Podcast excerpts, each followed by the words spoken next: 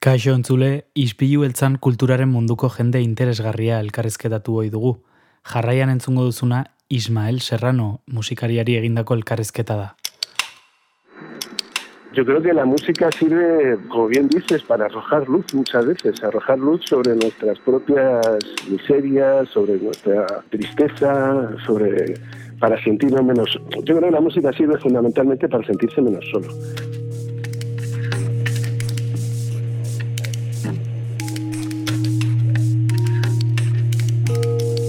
Ispilu beltza.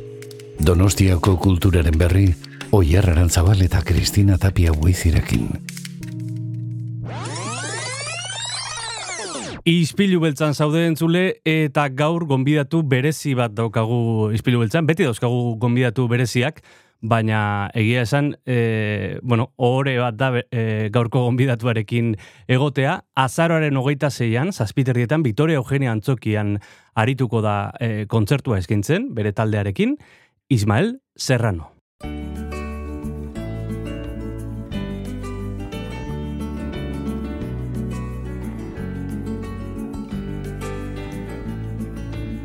Papá, cuéntame otra vez ese cuento tan bonito de gendarmes y fascistas y estudiantes con flequillo y dulce guerrilla urbana en pantalones de campana y canciones de los Rolling y niñas en minifalda. Egunon Ismael, ¿qué tal? Hola, ¿qué tal? Encantado de hablar contigo. Bueno, eh, muchas gracias por atendernos, eh, eh, por atender a, nuestro, a nuestra humilde radio. Eh, te iba a preguntar, ¿qué tal eh, con la gira? Bien, la verdad es que bien, sin parar de un lado a otro. Estamos, hemos estado así estas últimas eh, temporadas viajando bastante por Latinoamérica. Fuimos a Argentina, Chile, Uruguay, estuvimos en Costa Rica, México y, y bueno, y aún nos queda recorrer también a este otro lado del océano hasta finales de marzo, que es cuando terminaremos la gira aquí en Madrid pues nos tocará estar de un lado para otro. O sea que contento, la verdad contento porque ha sido un año, bueno, un año y medio.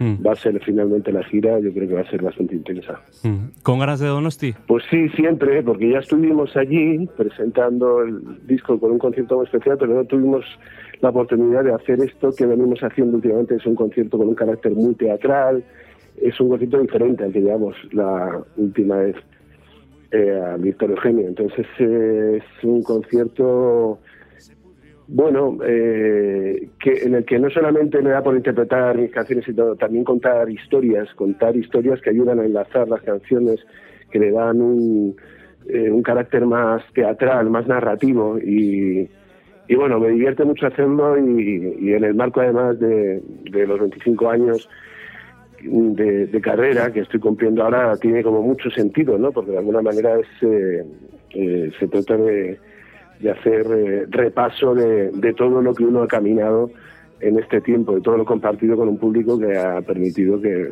no ya solo me pudiera dedicar al oficio de cantar, sino que la música fuera un lugar de encuentro, casi como un bálsamo terapéutico, ¿no?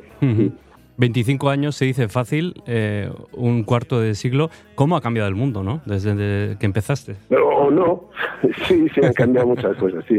Sí han cambiado muchas cosas, pero hay otras que parece que no tanto, ¿no? Parece que en algunos sentidos vamos en dirección contraria, ¿no? Eh, vamos como hacia atrás eh, en el tiempo. Pero bueno, mmm, sí, sí han cambiado mucho las cosas y ha cambiado uno y también eso es sano en muchos aspectos positivos, ¿no? Que uno siga creciendo, aprendiendo cosas y que una, uno sea capaz de incorporarlo al oficio, a la vida y, a todo.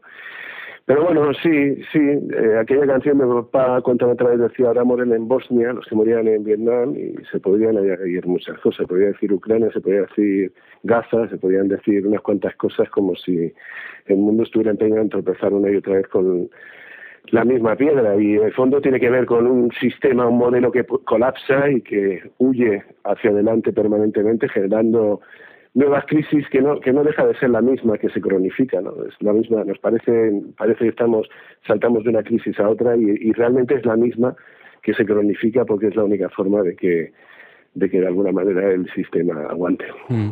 Has comentado eh, que tropezamos siempre con la misma piedra. Mm, quizá porque no, no eh, trabajamos la memoria, porque no recordamos Uh. lo que pasó, eh, eh, lo que les pasó a nuestros abuelos, por ejemplo. ¿no? Sí, yo creo que sí, yo creo que tiene que ver con eso. Yo que vengo, he sido educado en esa cultura, en la de la memoria, eh, sí me da esa sensación, ¿no? Que no hemos sido capaces de transmitir a, a, eh, precisamente el testimonio de lo que fue, ¿no? no y no solamente es que hayamos abandonado muchos aspectos de la memoria, sino que se ha trabajado precisamente a conciencia para que no se cultive la memoria, para que eh, la visión de los ganadores, la visión distorsionada de la realidad en este país eh, sea la que impere, ¿no? El relato no, no se cambie en una coma y no y no revisemos un poco qué, qué fue lo que pasó, no ya solo durante la guerra civil, los 40 años de dictadura, sino también en la,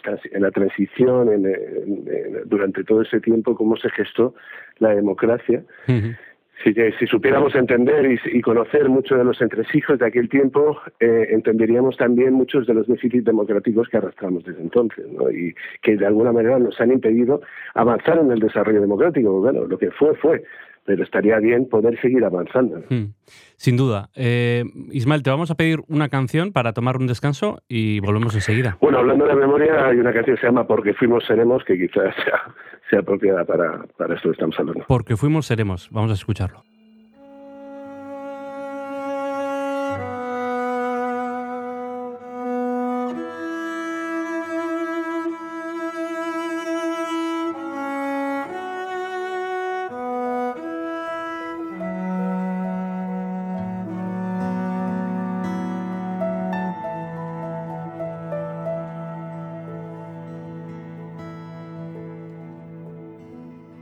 Fuimos los amos del mundo, la dulce manzana que mordió.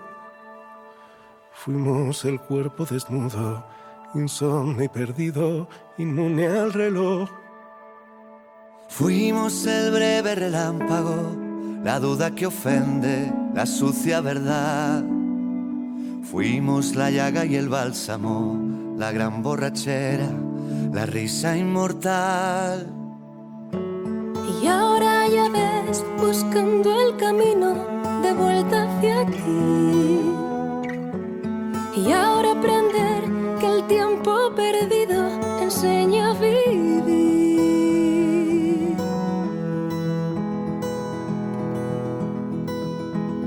Yo fui el eterno cliente del bar sin ventanas que el sol clausuró. Yo fui el idiota que miente cuando le preguntan si ya te olvidó. Fuimos memoria en la calle, alzando la voz, conteniendo el llanto. Fuimos el grito y el hambre del niño de barrio, con el puño en alto. Y ahora ya ves, buscando el camino de vuelta hacia ti.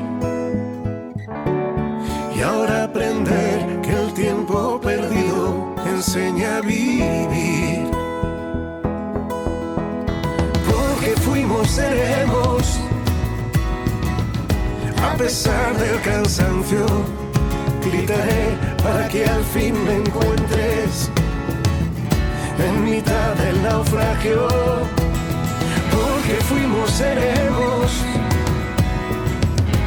a pesar de los años buscaré en la noche la estela que tu estrella ha dejado.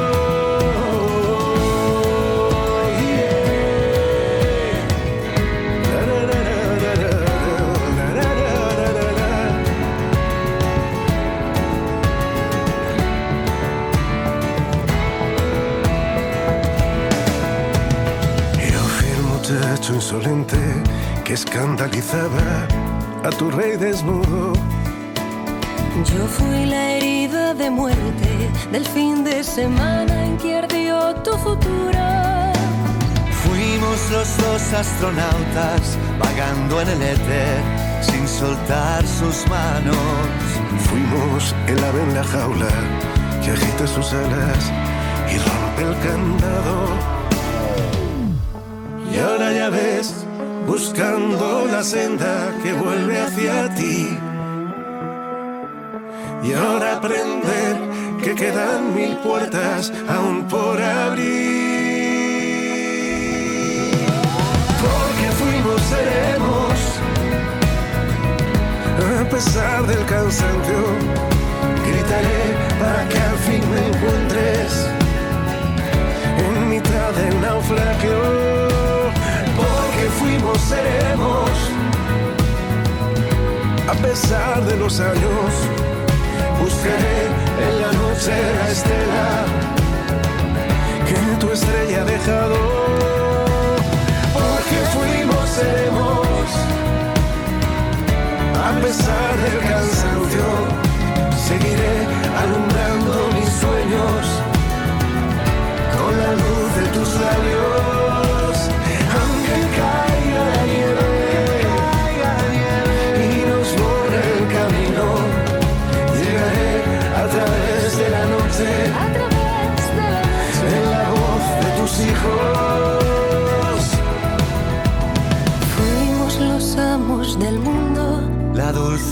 Manzana. Que va mordió. Ismael Serranorekin ari gara ispilu beltzean hitz egiten, entzun dugu eh, abesti ederrau. Ismael, estábamos hablando de la memoria. Eh, ¿Se podría decir que el fascismo vuelve a estar de moda? Bueno, no sé si de moda, ¿no? Eh, y, y habrá quien se moleste mucho por hablar del fascismo porque no, no, no se corresponde literalmente, por así decirlo, eh, o se, eh, se corresponde al 100% con lo que ya se vivió, ¿no? Hay quien habla de pol- del posfascismo, del neofascismo, pero sí, yo creo que hay, ah, vivimos un tiempo en el que ciertos consensos se han roto, consensos que tenían que ver con, por poner un ejemplo, en la televisión no se puede hacer apología del racismo, en- en el Parlamento hay ciertas cosas, hay ciertas formas que se han de guardar, hay que, o sea, a mí me parece que hace unos años hablar de eh, menores, como, como habla la otra derecha en este país, los eh, menores no, no acompañados, emigrantes no acompañados, eh, que se hable en los términos en los que se habla era algo impensable, ¿no? Que los derechos humanos se pongan en cuestión, que se pongan en cuestión eh, ciertas cosas, la, la solidaridad intergeneracional, ¿no? Cuando ahora se intenta enfrentar a lo bueno eso yo creo que también se ha hecho se ha intentado un poco no de, enfrentar a los padres decir que los que están pagando las pensiones los jóvenes están pagando las pensiones a los abuelos como si fuera como si fuera un agravio no de alguna manera ese pacto intergeneracional. Bueno ciertas cosas que se han roto ciertos consensos no y que se han ah, que bueno que yo creo que sí que suponen un retroceso en muchos aspectos porque se legitiman posiciones que hasta ahora eran absolutamente reprobables y aberrantes eran impensables dentro del debate político. Es verdad también que las redes sociales han ayudado a a, convertir esos debates en algo tóxico, en algo inane, en algo estéril, porque porque lo único que se quiere es soltar la diatriba y porque además eh, eh, lo único que queremos es escuchar, es digamos que la- las redes sociales lo que hacen es eh, también fortalecer los prejuicios, participar como cultivar también esa polarización, ¿no? Eh, favorecerla de alguna manera que luego se está, esas dinámicas que luego se están llevando al, a la calle, al debate político y demás.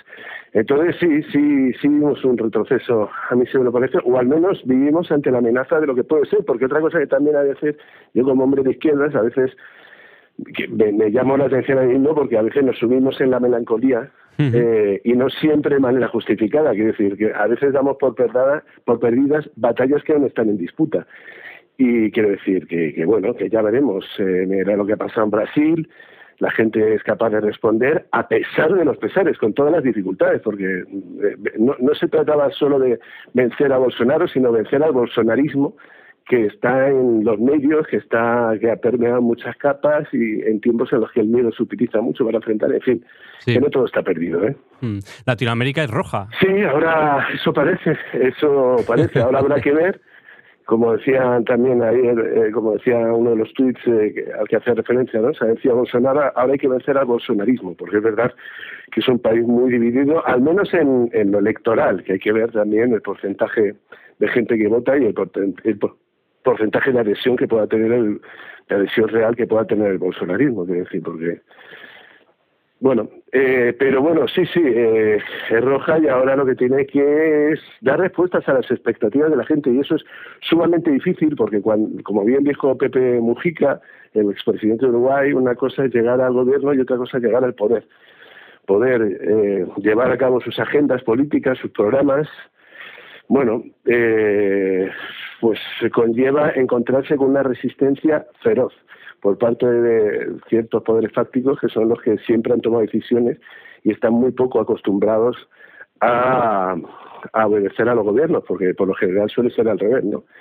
En, sus, la tradición, en la que en su cultura, eh, eh, pues es, es, eso, los, los, los gobiernos deben obedecer a las oligarquías. Cuando esa relación se trata de romper, pues se encuentran eh, grandes resistencias. Entonces, bueno, habrá que ver cómo, cómo, cómo se desarrolla. Yo tengo esperanza porque cuentan con una, un apoyo popular muy importante y ojalá, ojalá se den los cambios necesarios como para que bueno, pues para que las expectativas que se han depositado en ellos sean cumplidas. ¿no? Hmm.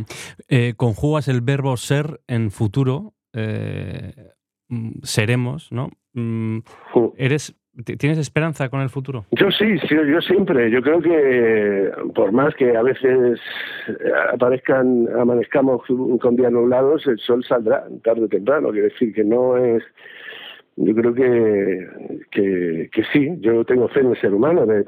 lo que pasa es que yo creo que en el desánimo, incluso en esto de insuflar el desánimo, hay una intención casi política, que es eh, invitarnos a la resignación y al abandono, y al abandono ¿no? que abandonemos nuestras responsabilidades en lo que respecta a, la política, al cambio, a la participación en sociedad, porque, bueno, parece que no hay remedio, ¿no?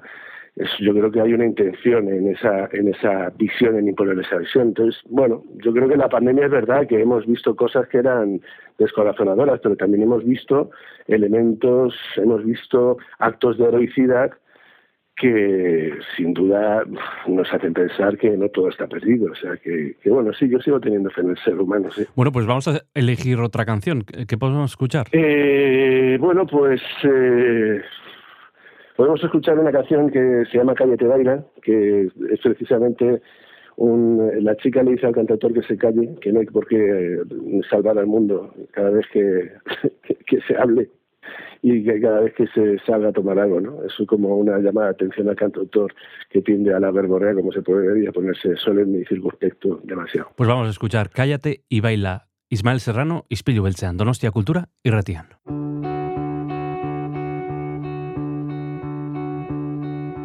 Yo, fantasma suburbial, vagando por las ruinas de otro recuerdo tú bailando sin parar, fingiendo no estar viva entre los muertos. Damnificados los dos por la alegría de quien quizá nos amó. ¿Quién nos lo iba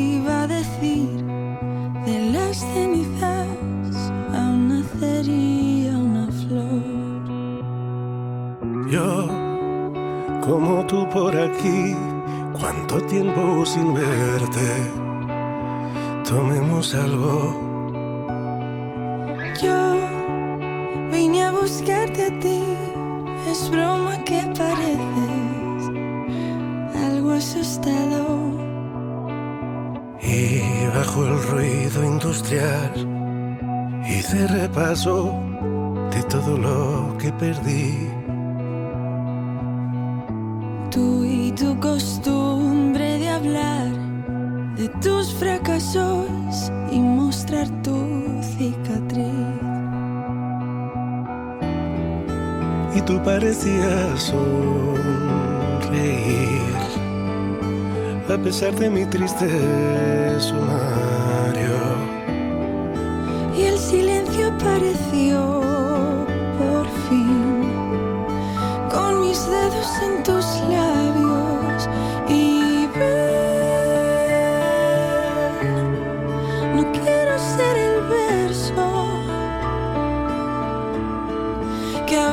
tus canciones de amor.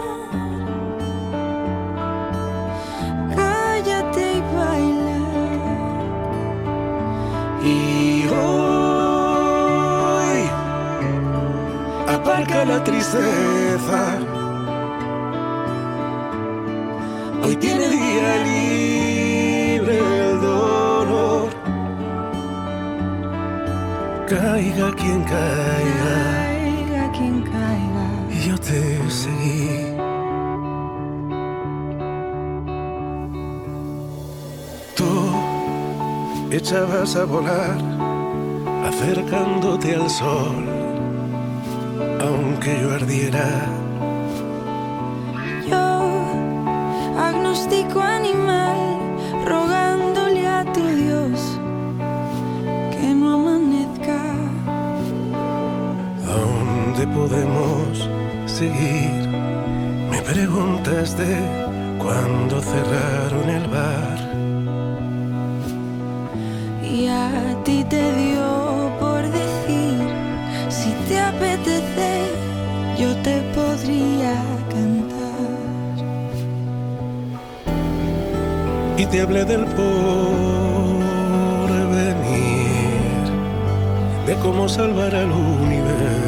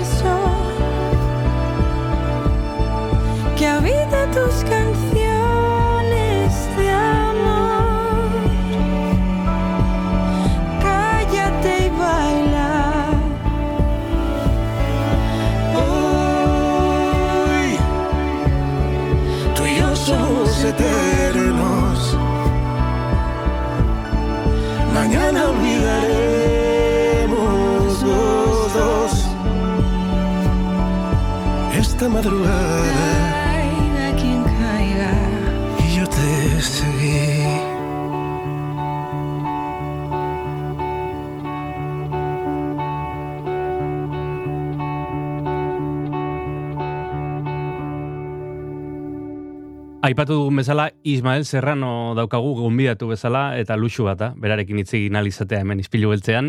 E, hogeita zeian, azaroaren hogeita zeian, zazpiterrietan, Vitoria Eugenia Antzokian, aurkeztuko duelako Seremos lana, e, Seremos gira egiten ari delako.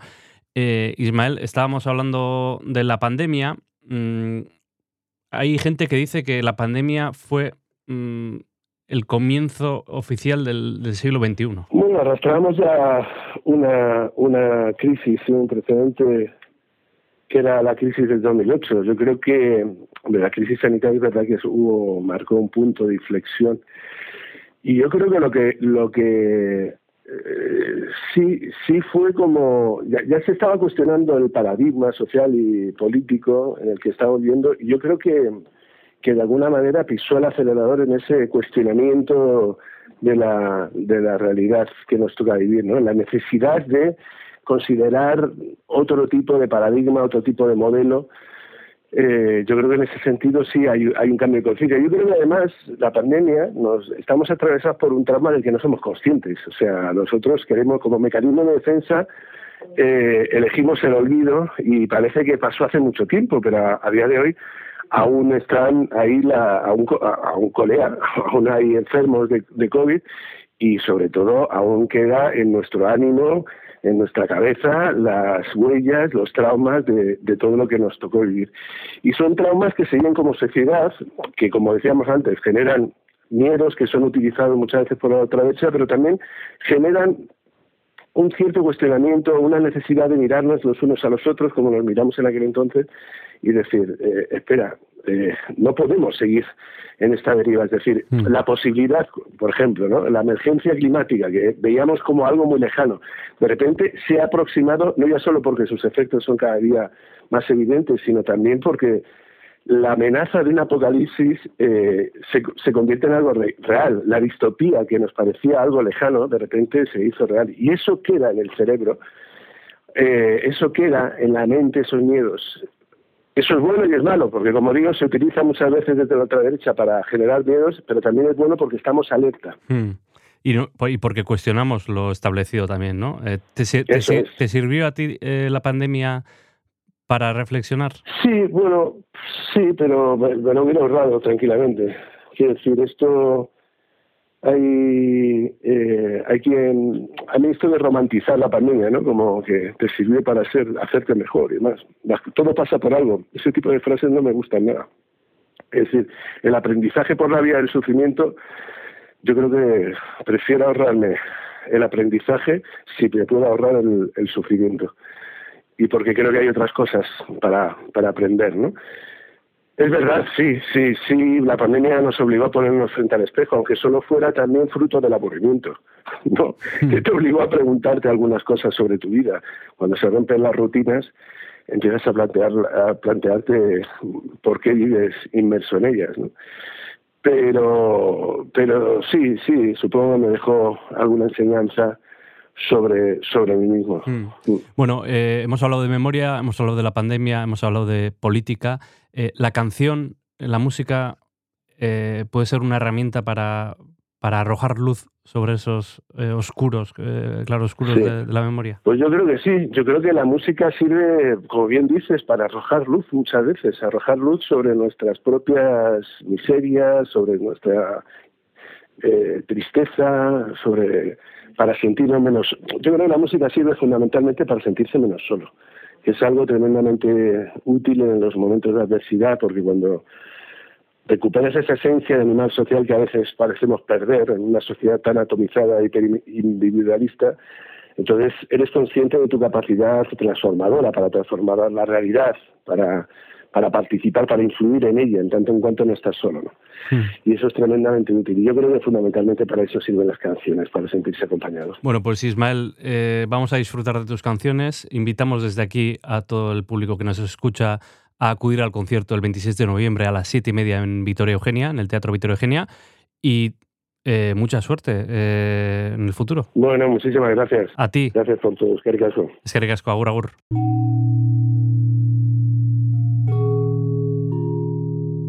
Gogoratu izpilu beltza edo zein audio plataformatan entzun dezakezula eta arpidetu zaitezkeela.